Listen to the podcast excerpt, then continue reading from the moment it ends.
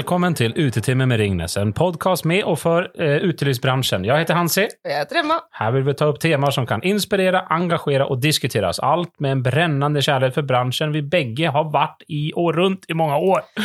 Ja, bra, Ja. Hansi. Eh, Men ingen av oss har vel vært i den like lenge som dagens gjest, for i dag har vi da ikke mindre enn en legende fra Oslos utelivsbransje på besøk, Olle Torvik. Og hvis du var ute på byen en gang mellom 1985 og 2006, så skulle det jo godt gjøres å ikke havne på et sted som var eh, drevet av eller knyttet til denne mannen. Eh, og var du ute på byen før den tid, så var det sannsynlig at du måtte prøve å komme deg forbi ham der han sto i, som en pastellfarget dørvakt på de største klubbene i, i byen. Og jeg var jo så heldig å bli kjent med deg, Ole, rundt årtusenskiftet. Eh, og man kan vel si at eh, jeg fikk være med på desserten da, av en eh, dekadente syvretters-menyen du hadde komponert i nattverden da, gjennom tre tiår. Eh, jeg hadde jobbet litt i bransjen før jeg møtte deg, men du og den der såkalte innegjengen eh, tok meg med inn i en magisk verden med klubber, musikk, konsepter og temafester som tok min forelskelse i denne verden til et nytt nivå. Jeg husker eksempel Gold Party og en av bursdagene dine med, med, på en fantastisk herregård med Great Gatsby som, eh, som tema. da snakker vi Roaring Twenties, eh, Hansi. Og Olle, du har jo skrevet en bok om dine år i utelivet, kalt nettopp Nattverden. Eh, Kan du ikke fortelle litt om, eh, om boken din, og ikke minst din reise fra, fra skrubben til å bli gudfaren for Oslos uteliv? Ja, da skal vi gjennom eh, noe sånt som 500 sider, da. Ja, ikke sant? ja, nei, det, det, vi kan jo begynne med boken, og det, det er jo um, eh, en idé som jeg hadde eh, liksom dukket opp uh, underveis, og som jeg hadde lenge. Jobbet, hadde noe lenge på idéplan, men uh, etter hvert så følte jeg at jeg måtte få dette ned gjennom mellom to permer, fordi jeg syns det har vært trist hvis, eh, ikke bare i min historie, men hele eh, Oslos moderne utelivshistorie, som jeg faktisk kaller det, hvis eh, den ikke skulle bli dokumentert, på en måte, syns jeg det hadde vært litt trist, og så er det ingen andre som har gjort det.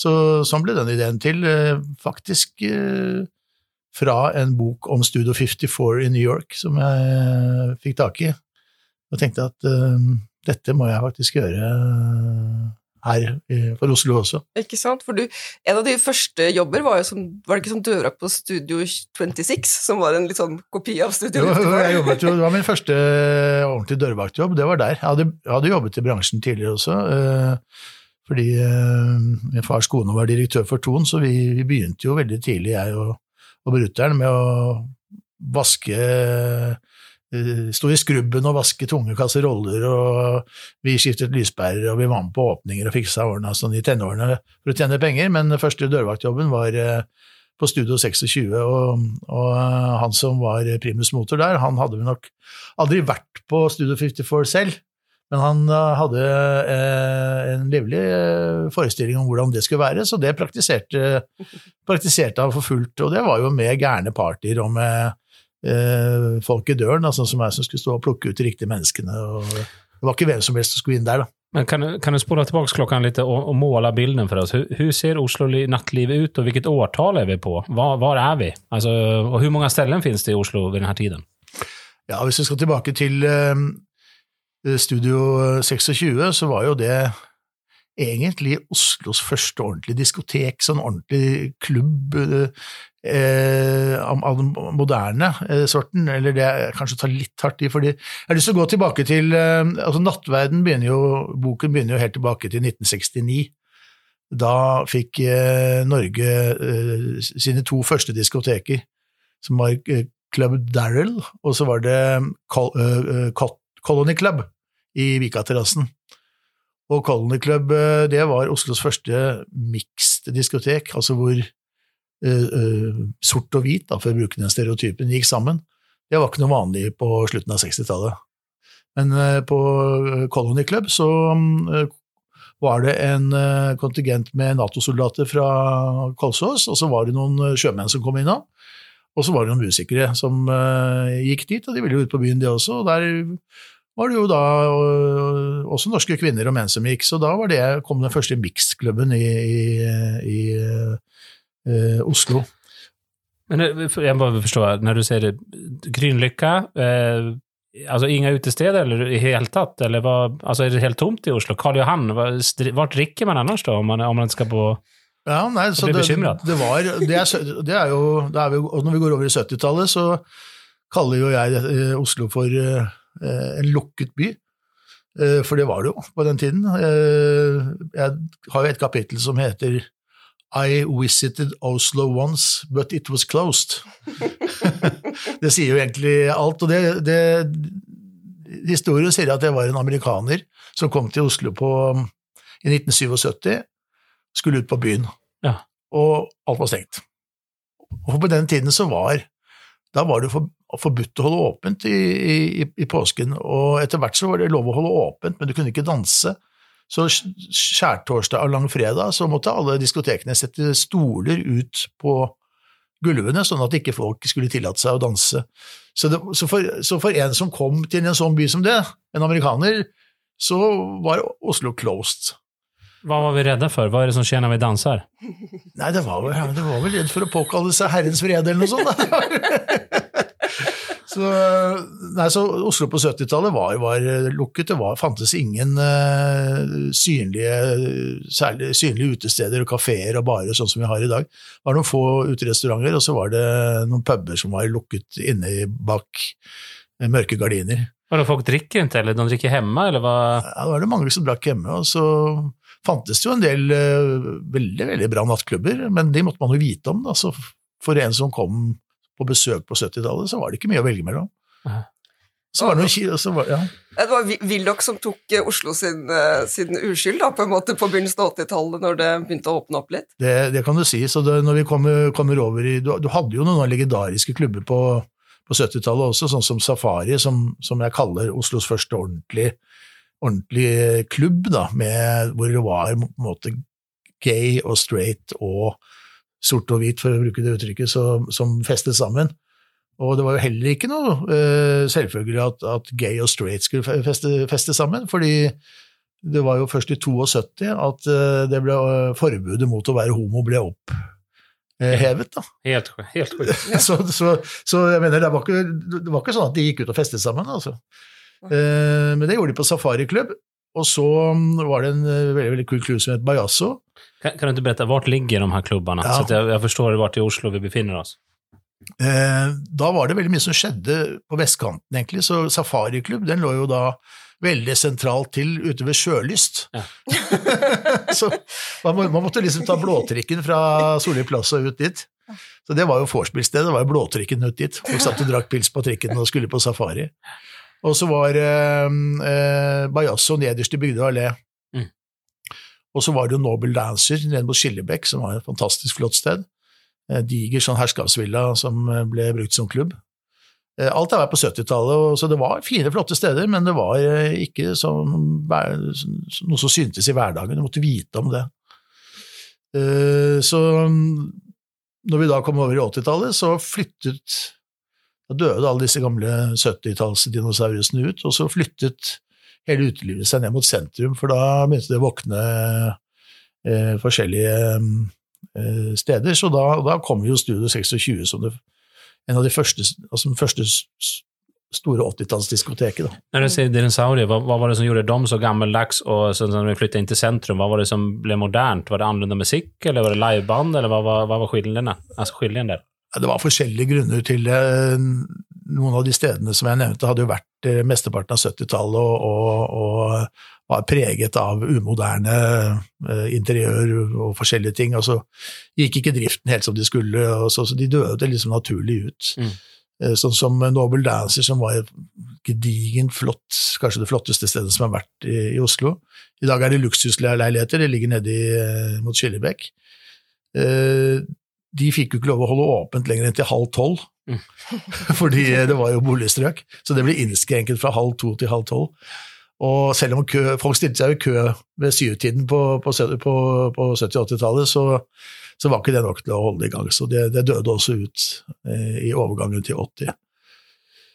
Og så kom jo to sånne helt foregangssteder. Det var jo eh, ene var eh, det første virkelige stedet var Kari Jakkesson, faktisk, som startet uh, eh, Radio Nova i 82. Eh, hun eh, har vel det er vel, ikke, alle som vet at hun var eh, Norges eh, første nattklubbdronning i en alder av 21 år. hun er kjent for litt andre Litt andre ting i dag. Ting i dag, ja. Altså, du, og du åpnet jo Stravinskij i 1985. ja. Ja. Så da kom det liksom på løpende bånd. Det var egentlig Kari som satt, Kari og Studio 26, de to satt liksom standarden for, for nye, den nye klubbkulturen, eller nye diskotekene som kom, og det var, eh, det var eh, utrolig eh, kule steder, men spesielt Radio Nova, det mener jeg fremdeles er en av de kuleste stedene som har vært i Oslo. Veldig likt Head-On egentlig på 90-tallet, med, med denne blandingen av så mange forskjellige typer mennesker og, og utrolig kul musikk. Og Kari var jo DJ også. Mm. Så, så sto hun så hun var blanding av var dørvakt og DJ, og, og sto altså i- døra på en sånn gul bruskasse med sånn hvitt strutteskjørt, og så sto hun sånn Du skal inn, du skal inn, du skal ikke inn, du skal inn. Og det ble det bråk av. det ble bråk av henne da òg. ja. Hun har alltid skapt litt, eh, litt oppstøt. Så, nei, så begynte jeg å jobbe på, um, på Studio 26 og i døra der, og da, da det, det var jo, ble jo eh, ekstremt populært. Det var i eh, 283 det også. Ja. Eh, og var kø fra Altså, Studio 26 lå i Universitetsgata, der hvor Barokk kom senere, og så Onkel Donald. Og der sto det altså kø fra inngangen og ned til Karl Johan, altså klokka sju hver, hver fredag og lørdag. Så det var eh, det var litt av eh, altså Det var litt annen kultur der nå. Ja.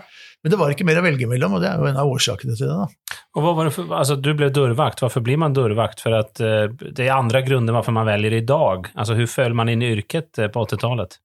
Altså, Jeg hadde, kommet, hadde akkurat dimma i militæret, så jeg trengte en jobb. Og så var det en kompis av meg som jobbet som servitør der, så jeg gikk og spurte om jeg kunne bli servitør. Men så mente han at jeg passet bedre i døra, og så ble jeg dørvakt.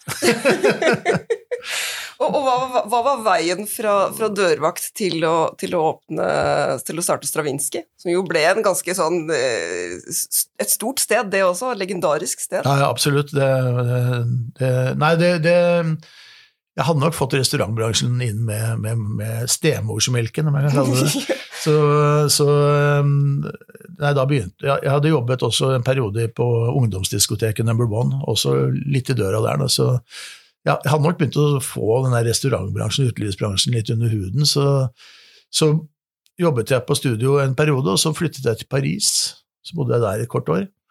Og der fikk vi til, adgang til veldig mye av de kuleste klubbene som var på den tiden. Blant annet eh, noe som ja, den legendariske Bandouche, som alle som har vært i Paris på, i gamle dager, vet om. Eh, og da, og pluss at alle kafeene, ikke sant? så jeg satt jo ute der og tenkte at hvorfor er det ingen som gjør dette i Norge? Det er jo helt vilt, ikke sant, at, at det skal være så lukket som det er. Er, det en selvfølge å gå på kafé, men det var det jo ikke.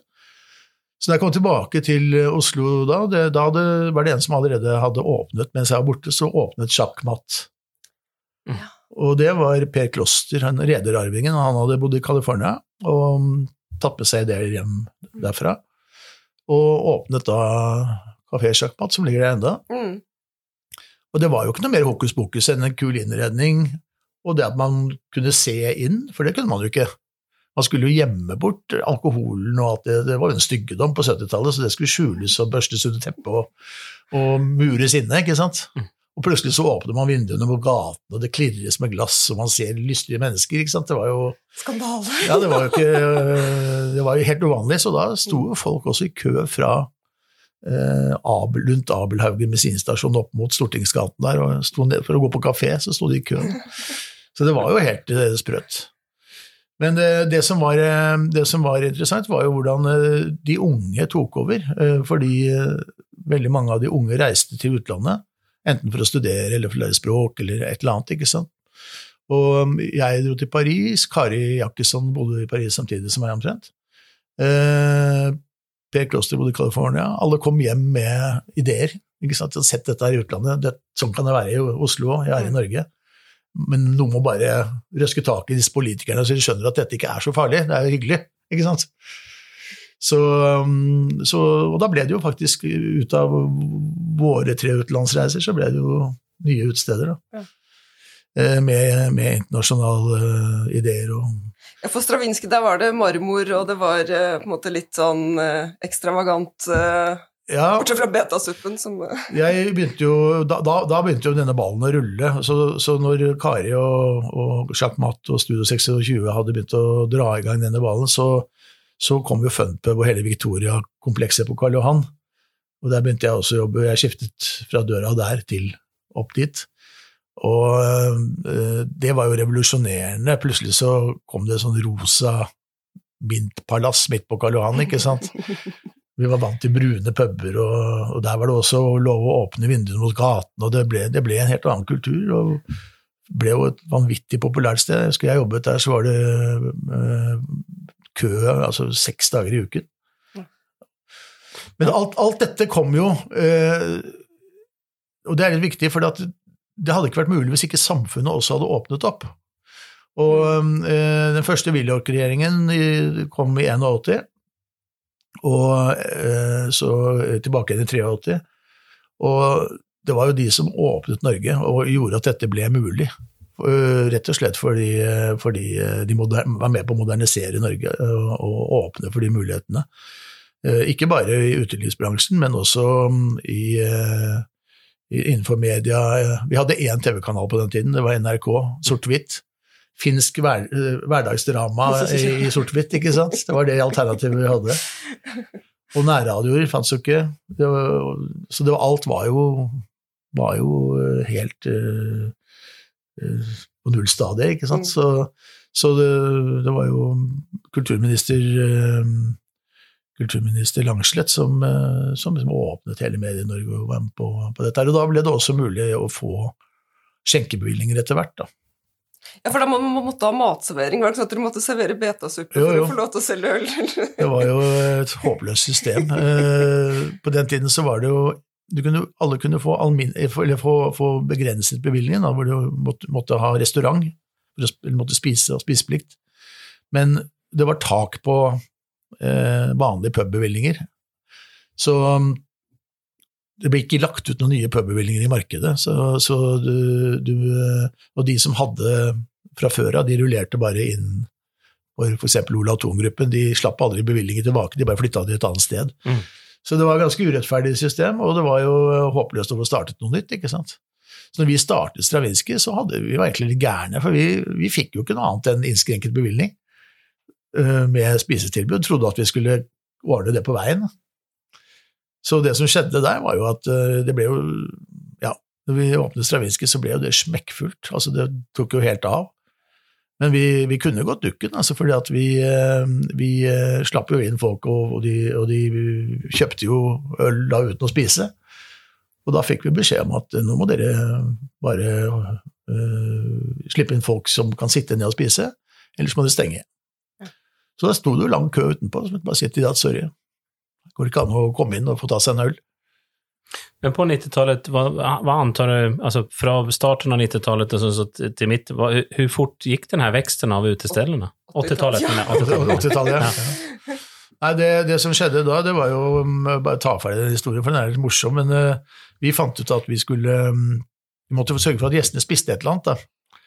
Så vi uh, Den har jo blitt litt legendarisk, den der historien om bettasuppa. Så vi, vi tenkte at eh, den der gamle ølskalken som folk drev og ga ut og inn hele tiden, den var liksom litt uh, utdatert, så vi tenkte at hvis vi kjøper et stort sånn eh, stort, uh, stor gryte med be- bettasuppe, altså trøndersk søt, sånn kjøttsodd, uh, og har et lite plastglass ved siden av de vanlige ølglassene, så gir vi ut en sånn til hver øl. Så har folk spist, har de kjøpt noe å spise. Og det funka jo litt når det ikke var så mye mennesker, men når det ble fullt, så var det ingen som gadd å, å drikke bettasuppe. ikke sant? Så de, det ble jo bare krig. Folk kastet bettasuppe på hverandre. så Alle som sto der med de dyreste Ferner Jacobsen-dressene og sånn, de fikk jo bettasuppe utover dressjakken, og det rant nedover bardisken, og det, det var jo et kaos uten like. Men, og det ble jo gjennomskuet, da, så da fikk vi beskjed om at uh, bettasuppen var ikke godkjent. Så da måtte vi stenge folk ute igjen. Så heldigvis så kom det en eh, Da ble det et byrådsskifte hvor Høyre og Fremskrittspartiet fikk eh, flertall, og da åpnet de opp. Så da var det plutselig mulig å få eh, alminnelig eh, pubbevilgning for de fleste. Men dette var, det var altså helt i begynnelsen av 85. Ja. Og så begynte det da å balle på seg, for da ble det jo, kom jo den virkelige utelivsrevolusjonen i gang. da. Ja, og Så- Hvor mange steder var det som kom samtidig, eller kom i den tiden der da? Altså, rundt, eh, altså etter at Stravinskij var, eh, var i gang? Ja, da, bare, bare i 85 så åpnet det jo tre uh, utesteder, store utesteder som uh, hvor to av de ble ganske legendariske. og Det ene var Stravinskij, det andre var Smuget. Ja. Og så åpnet Cats. Eh, De eh, er vel ikke noe, blitt noen legender akkurat, men, eh, men Smug og Stravinskij åpnet i 85, og så en rekke andre steder også. Mm. Og så kom vi Barokk i 86, så da var det jo en god del av de mest kjente stedene som åpnet i den perioden. Men det åpnet mange steder da, så det gjorde Ja. det. Og alle fikk hadde jo ikke livets rett, selv, selv med den bevilgningen. Ja, og så i 19, var det 1988, da eh, Nei, skal vi se 86, da var det Kreml.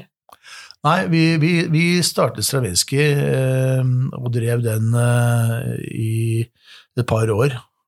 Ja. Ikke mer. Eh, da hadde vi bodd i de lokalene i eh, 24 timer i døgnet omtrent, ikke sant? så da, da var vi egentlig litt lei. Så vi, og så hadde vi vært eh, mye i New York, så vi så de store klubbene i New York. Og så hadde han- partneren min, eh, som ble kalt for Hocken, som omtales mye i boken, han, eh, han eh, og jeg hadde vært eh, ja, på mye av de kuleste klubbene i New York på den tiden, og tenkte at det, det har vi lyst til å gjøre i, i Oslo også. Eh, vi følte at Oslo trengte, trengte mer, flere dansesteder og flere klubber. Stravinskij var jo ikke dans, det var bare en musikk. Og så eh, solgte vi oss ut av Stravinskij, og så startet vi da Kreml i, eh, på våren i 87. Ja. Og eh, det var jo et veldig sånn 80-tallsprodukt. Kjempestort. Det, skulle, det var, eh, vi, vi, vi hadde sett de største klubbene i New York, tenkte at det må vi lage i Oslo. Men så hadde vi glemt at, uh, at på den tiden så bodde det 500 000 mennesker her, Ja. og ikke 10 millioner sånn som på Manhattan. Så, men, men, og det ble jo da kjempesvært uh, kjempesvært lokale som tok ja, i hvert fall 1500 mennesker. Fordelt på restaurant, eh, vinterhage, nattklubb og en pub og en kafé. Puben og kafeen ble også drevet av eh, Frank Gjesdal og Arild Røstad, som eh, Arild var med på Stravinske. han var jo tredje partneren der, og så han som var vaktsjef på Fumpub. Og Siv Jensen i garderoben. Og Siv Jensen i garderoben. Siv Jensen jobbet i garderoben og passet også faktisk døra eh, innimellom. Var tøff dame den gangen òg. Ja, ikke sant? Selv om hun var 18, år- 18, 18 år eller noe sånt nå. Så, så, men så ble jo Vi hadde jo på en måte litt rett, da, for Kreml tok helt av, det også. Det ble utrolig populært. Altså, det, var, det var fullt fire dager i uken. Onsdag, torsdag, fredag, lørdag med en, sånn rundt 1000 mennesker. Eh, og vi omsatte jo det samme på en onsdag der som vi gjorde på Stravinskij en helg. Ja. Så det var jo, det var jo en, en suksess. Men eh, for de som eh, levde og drev business eh, i, i 87, så er det vel ingen som glemmer en, viss dato i uh, oktober. Krakke. Da kom børskrakket. Ja. Og det var jo katastrofalt for ikke bare de som drev utestedet, men uh, for hele all næring i Norge, eller i Oslo. I Norge, selvfølgelig, men eh, vi så det jo tydeligst i Oslo, da. Men før, før den dagen, hvordan var altså det derre Jeg var jo ikke ute på byen eh, den gang, men hvordan var en, en, en skikkelig bra kveld på byen i, i 1986? Jo, jeg, jeg har veldig lyst til å Anders Giver, som er journalist i VG, han skrev egentlig det at det er det lengste, kuleste året som har vært noensinne. Det er det året som begynte i 85 og, var, og, og varte helt til uh, i 87. det kul, kuleste utelivsåret som har vært, sier han. Og det har han litt rett i, for det var en, eh, det var en fest, altså. Folk hadde Altså, vi var jo ikke vant til å feste på den måten her. Det var, det var liksom det, De som hadde vært i utlandet, hadde jo sett, sett, det, men nå var plutselig alt lov. Det var lov å kle seg opp, og det var lov å, å uh, nyte alkohol på kafeer og vise seg frem. og Det var, det var en løssluppenhet, det var en revolusjon, altså. Mm. Og utestedene ble stiligere og stiligere, ikke sant. Det, plutselig så så, så la, ble det lagt uh, mye penger i dette. for Olav Thon-gruppen kom etter hvert på, på, banen og lagde først Victoria på Karl Johan, som var kjempefint. Det var revolusjonerende, det. Og så etter hvert barokk og, og flere steder. Så, og Stravinskij var jo også et helt annet type utested, hvor det var lagt mye penger i interiør og, og mye i, i konsept og ideer. Altså alt og så var folk, folk ville ut og feste. altså Det var en ny generasjon med ungdommer som bare rett og slett skulle ut og ha det gøy. Men hvordan blir myntens bakside? Altså, du beskriver jo en verden som går veldig fort og allting skjer samtidig, og man har ikke riktig vad ska jag säga, de, de reglerna som vi har til stede nå. Alltså, var det mye fylla i gatan og mye slagsmål, eller var vi bare for gode for det på den tiden?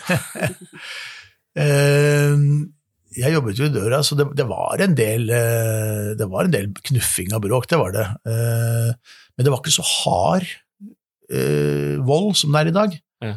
Det, var, det, var, liksom, Alt var mykere, på en måte. Det, vi kan komme tilbake til det litt senere, hvordan det tøffet, tøffet seg til. Men, men, det var liksom, det var ikke noen som var redde for noe da. Det var, det var litt knuffing og litt bråk og noe slagsmål, men det verste som skjedde, var jo at uh, du fikk deg en på nesa. I dag er ikke det det verste som skjer. Nei. I dag kan du risikere å bli skutt. Mm. Ikke sant? Og det skjedde jo på veldig kort tid, det òg, egentlig. Men, uh, men, uh, det var jo Det kulminerte jo egentlig med at uh, først at det var noen som kom på den gode ideen å, å lage karneval for uh, nordmenn. Og det var i Oslo, i Oslo, da, og det var i 84, første, første karnevalet, hvor eh, det var plutselig lov å danse i gatene, drikke seg dritings, eh, kle seg ut, gjøre alt det som ingen var vant til. og det er jo det vi forbinder med 17. mai, ikke sant? hvor man i hvert fall har en anstendig dress på eller et eller annet. Så det legger en liten dempe på det, men det gjorde det ikke nå. Så det tok jo helt av, og det ble jo helt galskap. Folk fløy jo rundt i gatene, og det var drikking, og det var sex eh, åpenlyst, og det var ja, det var sånn som nordmenn virkelig fikk leve ut uh, vikingen i seg, ikke sant. så, Champagneføring og lav ja, moral. helt, helt vilt. Så, så, og veldig gøy, men det var vel noen som tenkte at dette, dette tar litt vel mye av, så jeg tror det ble to eller maks tre karnevaler, så var det over òg. Men det var veldig, folk var glade, ikke sant, og det var, det var, um, det var uh, og det, var, og det var mye penger mellom hendene på folk, og de pengene var jo ikke nødvendigvis noe man hadde på sparekonto. Det var jo, som du sier, Så kom jo baksiden av denne medaljen. Mm. Det var jo veldig mange som hadde et forbruk som de ikke kunne forsvare. Mm. Og det begynte å komme Husk på, det var ikke bankkort engang på, på den tiden før det. Så kom det plutselig gullkredittkorter og i forskjellige varianter. og og man kunne bruke, ting, kunne bruke på kreditt, og, og det, det, var jo mange som ikke tålte det. altså. Så, men gøy var det. Jeg har hørt, noen, hørt noen gamle andre rever som prater om dem her, at når, når uteserveringen stengte, så bar de pengene i store svarte plastsekker derifra. ja, det var cash. Alt handlet om cash. Og det var, skriver vel det i Nattverden at vi vi hadde jo så mye cash at vi fikk jo ikke plass til det på, i stedet for på Stravinskij, så gjemte det jo litt sånn rundt, rundt omkring. Så det, som jeg sier, hvis det er noen som leter godt, så kanskje de finner en bunke dag i dag. og, så, og så, gikk jo For noe av det som du på en måte var med å, å skal man si, starte i Norge, var jo dette med sånn house-kulturen også. Det eh, var vel i 1988 med den første houseklubben, det var jo Kåre Hansen som, eh, som var først ut der, var det ikke det? Det stemmer. Ehm, da var jo luften gått ut av den champagnegaloppen som, mm. som foregikk på 80-tallet. Jeg kaller vel det eh, på en måte den delen av boken som handler om 80-tallet, eh, som en eh, dans på en rosa sky av champagne. Mm. Og det var jo sånn.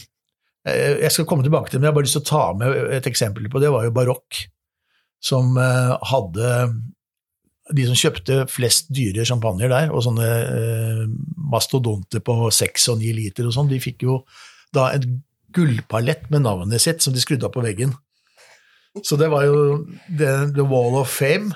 som etter hvert ble kalt for The Wall of Shame. Ja. Så, hvor, hvor da de som hadde kjøpt de dyreste champagnene, fikk navnet sitt i sånne gullbokstaver, gullskilt.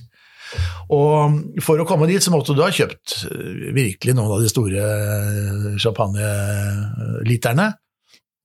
Men så kom jo børskraket, og alt som fulgte med det. Og da var det sånn at bartenderne på Barokk de forlangte én flaske champagne minst for å skru ned skiltet igjen. da var ikke det så stas lenger. Skjønner jeg. Oi, oi. Så, så da fant jo vi ut at vi hadde en restaurant i kjelleren eh, på, på Kreml som vi ikke fikk til å fungere. Eh, og all, eh, luften gikk jo ut av Kreml med børskraket, så vi stengte restauranten i kjelleren, murte igjen gulvet opp, og så tenkte vi at vi må lage en nattklubb der, for det er det vi kan best.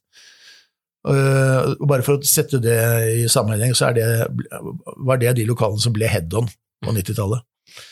Så um, vi dro da på en studietur litt rundt omkring. Vi hadde vært i New York, og da hadde jeg hørt uh, Da var jeg på en sånn litt crazy klubb på morgenkvisten en gang, og der hadde jeg hørt noe merkelig musikk som var veldig repetitiv og veldig rytmisk, men liksom ikke disko og ikke Fikk liksom ikke helt tak i den, men det var masse gærne homser som danset til den musikken. Og så dro vi til Barcelona, og der jo, hadde jo da hadde jo housemusikken kommet fra New York over til eh, landet på Ibiza, før den da også flyttet seg til Barcelona og etter hvert tilbake til England og over hele Europa. Så da var det Acid House vi hørte der nede. Og det syntes vi var dritkult, for det, der var jo det etablert som en musikkform som tok helt av. Så vi eh, tok med oss en av de kjente DJ-ene fra Barcelona hjem til Norge, og så skulle vi starte Oslos første houseklubb. Norges første houseklubb den kreden har gitt til eh, noen eh, kjente DJ-er og pionerer som startet på Lillestrøm Project, men i Oslo var det vi som var først, og det var i 88. Det ble i utgangspunktet ingen stor suksess. Det var ingen som skjønte bæret av den musikken. Så, så enda det er jo dansbar musikk og sånn, men eh, det at folk eh, løp rundt og ropte acid og sånn, det, det, var veldig få som skjønte det, hva det var for noe. altså. Så vi fikk jo bare beskjed om at kan du ikke spille sånn du gjorde på Stravinskija? Eh, så vi sendte jo han DJ-en tilbake til Barcelona, og så fikk vi en, en litt mer kjent norsk klubb-DJ til å spille, og så ble jo dette stedet het jo Kåre Hansen. Og det ble jo da også en kjempesuksess. Da, da tok det av, når vi fikk eh, riktig musikken på plass. Ja. Eh, men så gikk jo hele Kreml og alt dette over ende og, mm, som et resultat av børskrakket, og i 89 så forlot vi eh, alt der. Og da ble det til noe som het comeback, og så var det eh, Kjaperud, han musikeren, som eh, tok over utleien av, eh, Kåre Hansen, og da fant han Naim og Pål og Morten, da, som startet Head-On i, i 92. Ja, og Head-On holdt jo ganske lenge. Ti år. Ja. 2002. Ja, jeg, jeg, husker sommeren 2001, da var jeg sammen med han ene musikeren i Faithless, og så var de oh, i Norge og skulle spille på Norwegian Wood dagen etter. Og vi var ute og spiste middag, så sier uh, Maxi Jazz når vi skulle videre ut på byen du må ta oss med på Head-On, Emma. og han hadde også hørt om dette stedet Head-On, og der måtte vi dra. Så det ble jo en uh, legendarisk uh, natt der, selvfølgelig. Så det er litt sånn Hvordan klarte man å få, å få Head-On til å bli så, så stort? Ja, nei, og det, det, er det jeg har skrevet en god del om i Nattverden også, at hva er oppskriften på å lage en så kul klubb, liksom? Mm. Og det er altså, Musikken og menneskene er det som avgjør. Uh, så er det hvordan man får de dit, og da er det jo ofte avhengig av en crowd, ikke sant. Sånn som Kari Jakkesson, hun startet uh, Radio da var det en uh, ganske klein sånn uh, 70-talls nattklubb som faren drev, som het Klubb Flamingo eller noe sånt. Det var i hvert fall helt ute. Så det eneste hun gjorde, var å male veggene sorte, så hang hun opp et par bilder av Roy Lichtenstein, og så spilte de kul musikk, og så kom alle. Men hun hadde en crowd, ikke sant. Og så samme Head-On. De, det er liksom sånn do it yourself-klubber, sånn som Head-On og Skansen og Radionova og i Jazzy og en del av de klubbene der, Kåre Hansen også, hvor veldig lite skulle til. Du måtte bare få kjenne crowden og få inn de, og så treffe med riktig musikken. snak, jeg intervjuet jo Pål og altså de Hedon-gutta til, til Nattverden, og de for vi skal forenkle det veldig, så tok de med seg to bager med funkskiver og så et spann med gulmaling, og så malte de lokalene og spilte de funk, og så ble det legendarisk. så det var, men også hadde de en jævlig streng dørpolitikk. Jeg må ta med én kjapp historie derfra, fordi um, der var det jo viktigere hvem som ikke kom inn, enn de som kom inn. Så hvis det var eh, kanskje 3000 som oppsøkte klubben en, en kveld, så var det halvparten som ikke kom inn. Ja. Eh, det var jo opplest og vedtatt. Eh, og Christian Wold, som var en av de kjente dørvaktene derfra, som uh, også er utgiver av Nattverden, han, uh, han, var jo veldig streng. Og da kom det en uh, fyr en, kveld med, som var, han ikke syntes var noe kul, og han så ikke noe kul ut heller. Han påsto at han var livvakten til Mick Jagger, da. Så han skulle bare inn og se liksom, om lokalet passet. Og så sa Christian til han at nei, kommer ikke inn. Og fulgte han liksom ut av gangen, og der kommer jo en sånn limo opp på, på siden, og så sveiver Mick Jagger ned vinduet, og så gir han fingeren. Så kjører han, ikke sant. Da var de på turné. og ikke kule nok for Hedda, altså. Jeg tror kanskje Christian hadde skiftet mening hvis han hadde visst hvem det var. Så, så, strengt var det på å komme inn på Hedda. Men en legendarisk klubb, og, og også den fantastiske miksen av mennesker. Jeg har hatt eh, noen eh, episke kvelder på, på Heddon. Det, det, det har vel alle vi som er ute på 90-tallet. ja, og, og, så videre da, når du begynner, kommer over på, eh, på, på 90-tallet, så var det jo med å arrangere de, de, de, noen av de første og, og største housepartyene i Oslo. Um, og, og, på en måte den, den kulturen virkelig etablerte seg. Ja, det, det, jeg hadde som sagt vært ute og reist og, og fått med meg eh, hvordan house-kulturen og musikken begynte å spre seg over, over hele verden. Eh, og så, Da var vi, var vi, over i 90, og da hadde de gutta bak Project de, hadde, de var de som startet Oslos første rave, men det var ikke der, for det var Oslos andre rave de hadde på Nebb-tomta ute på Skøyen. I dag så kjenner vi jo det som Karens Lyst ja. forretningsområde, ikke sant. Men den gangen så var det svære industrihaller som var restene av uh, elkonsernet Nebb. Fantastiske bygninger ikke sant? Med, med plass til uh, eh, 1000-2000 mennesker. Så første gang jeg kom ut dit og var på, på, på party som de arrangerte, så ble jeg jo bare stående og se på er dette Norge, liksom. Det var sånn 1000 mennesker som danset inn i en industrihall med lasere og med dundrende musikk, og det var helt, uh, helt gærent. Og så jeg tenkte jøsse nå Og tenkte at det må jo vi også gjøre, så da fant vi et enda større uh, fabrikklokale og arrangerte uh, det som har vært Oslos rave nummer tre, eller noe sånt, i hvert fall nummer to nede på nebbtomta. Men vi hadde ikke typisk rave, vi lagde det mer som en kjempestor klubb for Oslos uh, inneklan, som jeg kaller det, eller for Oslos uh, ja, hippeste utelivsfolk. da. Mm. Så da kom det 2000 mennesker. Og uh, vi kunne jo boltre oss der med lasere, og vi kunne kjøre sånne heiser rundt i taket med, med lyd og lys, og det var jo uh, helt vilt. Så det ble, det ble kjempegøy. Var det så, da altså starten på, på Kristiania, for det var vel like etter det at du ja, åpnet Kristiania? Da hadde vi um, allerede funnet et lokale som um, var et gammelt kunstgalleri, som lå i Kristian Fjerdes gate vis-à-vis Bristol, som uh, skulle bli Kristiania, da, som var den klubben jeg drev uh, mesteparten av 90-tallet, og som jeg vel også kan uh, kalles legendarisk. Jeg må vel få lov å ja, være så freidig. Det syns jeg. så det ble liksom, den, det, det partet vi hadde der ute, det ble på en måte generalprøven for Kristiania. Mm. Da kom jo alle de vi ville ha, når de kom, kunne komme helt ut til Skøyen der, så tenkte jeg at da kommer de i hvert fall til Kristian Fjerdes gate. Men det som er litt interessant, det er jo også å se da på hvordan, hvordan utelivet flyttet seg fra 70-tallet. var det veldig, veldig Oslo vest. Så flyttet det seg ned til sentrum, og der holdt det seg jo i gode 20 år, altså. Og, og det som var så morsomt, eller ålreit på den tiden, som jeg tror var med på å gjøre uh, utelivet så, så uh, livlig og så, så, populært, var jo at man kunne Altså alle utestedene lå i en uh, gangeavstand på fem minutter, ikke sant, fem-ti minutter uh, fra student, uh, fra Spikersuppa. Så man kunne jo liksom ta runden der hele tiden uten å nesten skifte sko, ikke sant. Det var jo, alle, alle stedene lå jo der. Og det vil jo si at du fikk jo alle menneskene ned dit, og, og du bøtte alltid noe kjente. Og dette var jo uh, før, uh, før, internett, før Facebook, tid, tid, tidvis også før mobiltelefonene. Så man måtte jo ut og møte folk. Og Det var jo det som tror jeg gjorde utelivet så heftig på den tiden, at, at du, du, bare gikk på eksempel barokk, eller du gikk på Kristiania, så møtte, visste du at der møter du kjente, der er det masse kjente. Du trengte ikke å sjekke det på noen sosiale medier på forhånd, det var bare å gå dit, og der visste du at alle var.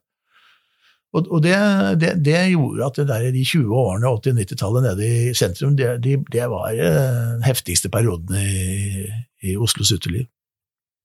Hva er, er din heftigste historie da, fra Kristiania-tiden, som, som, kan deles?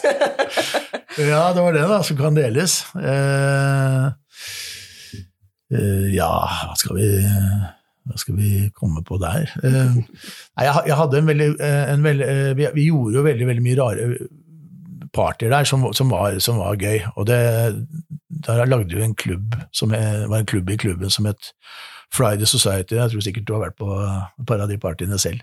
Og vi gjorde veldig mye sånne crazy ting som ikke Man fikk ikke lov til å gjøre sånt før, men vi, vi gjorde det, da. Og, og uh, lagde jo uh, temakvelder, uh, også med ideer fra New York, da, med alt fra en kveld så kunne det være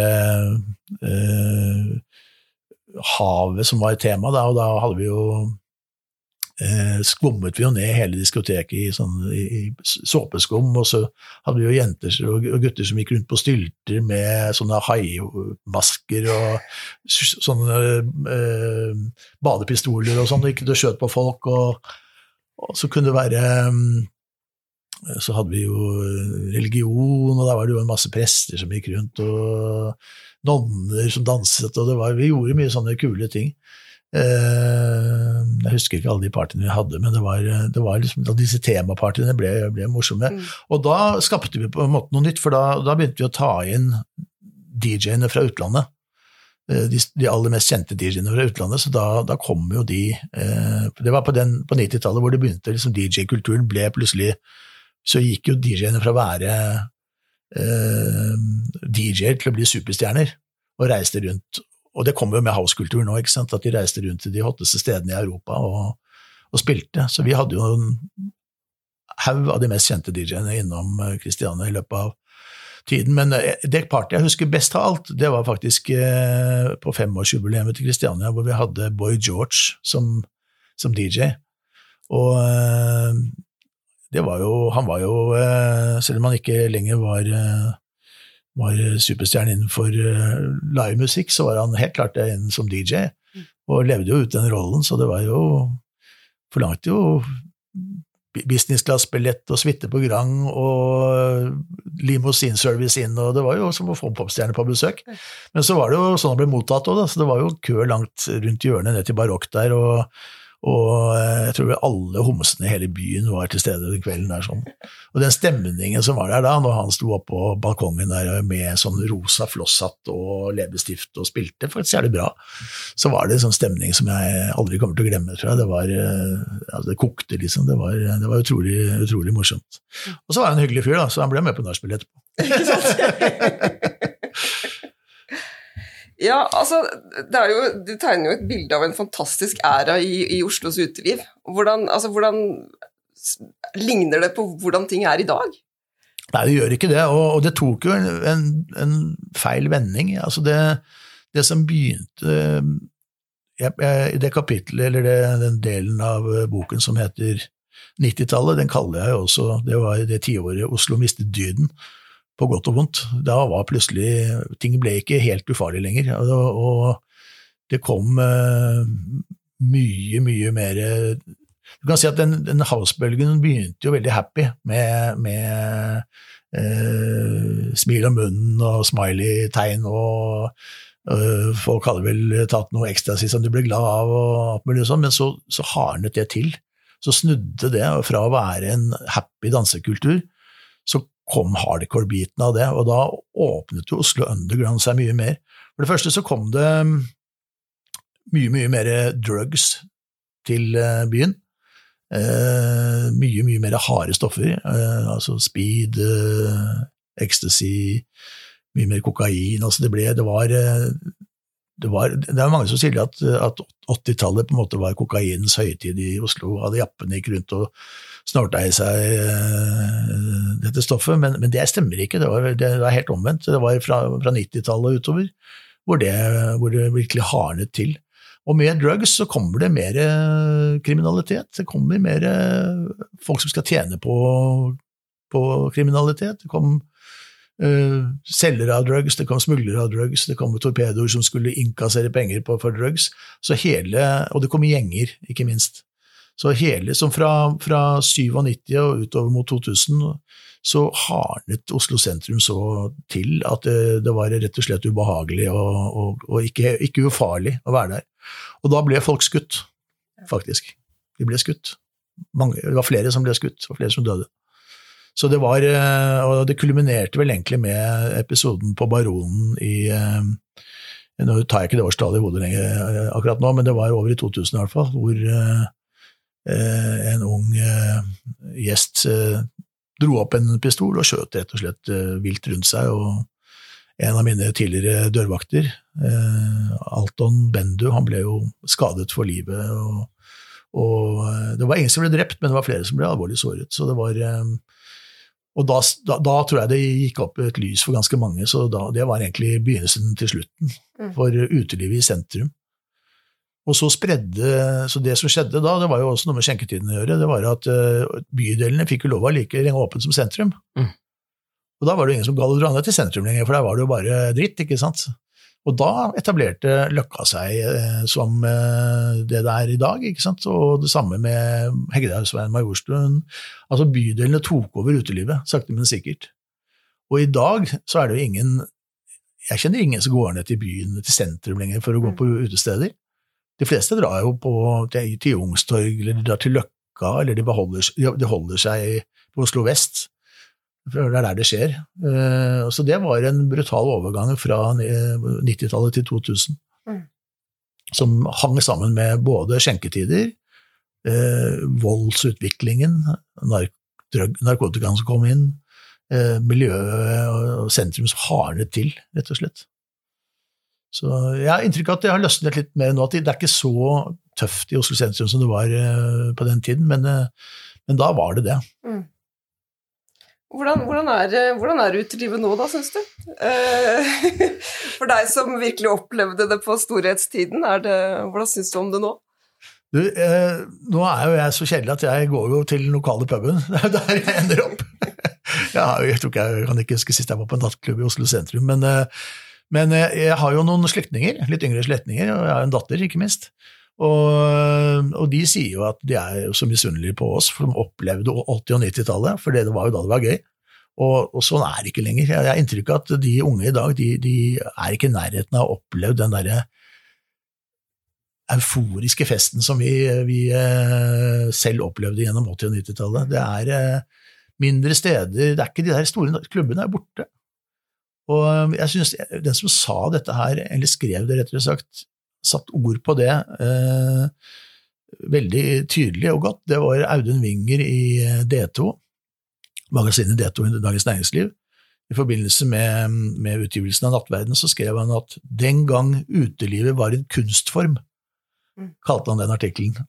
Og det er jeg enig i, for det var folk la sjela si i alt. Liksom, det var alt fra interiør på steder til å kle seg ut, til å være crazy og uh, så, så jeg, for, for, meg så virker det som det er borte i dag.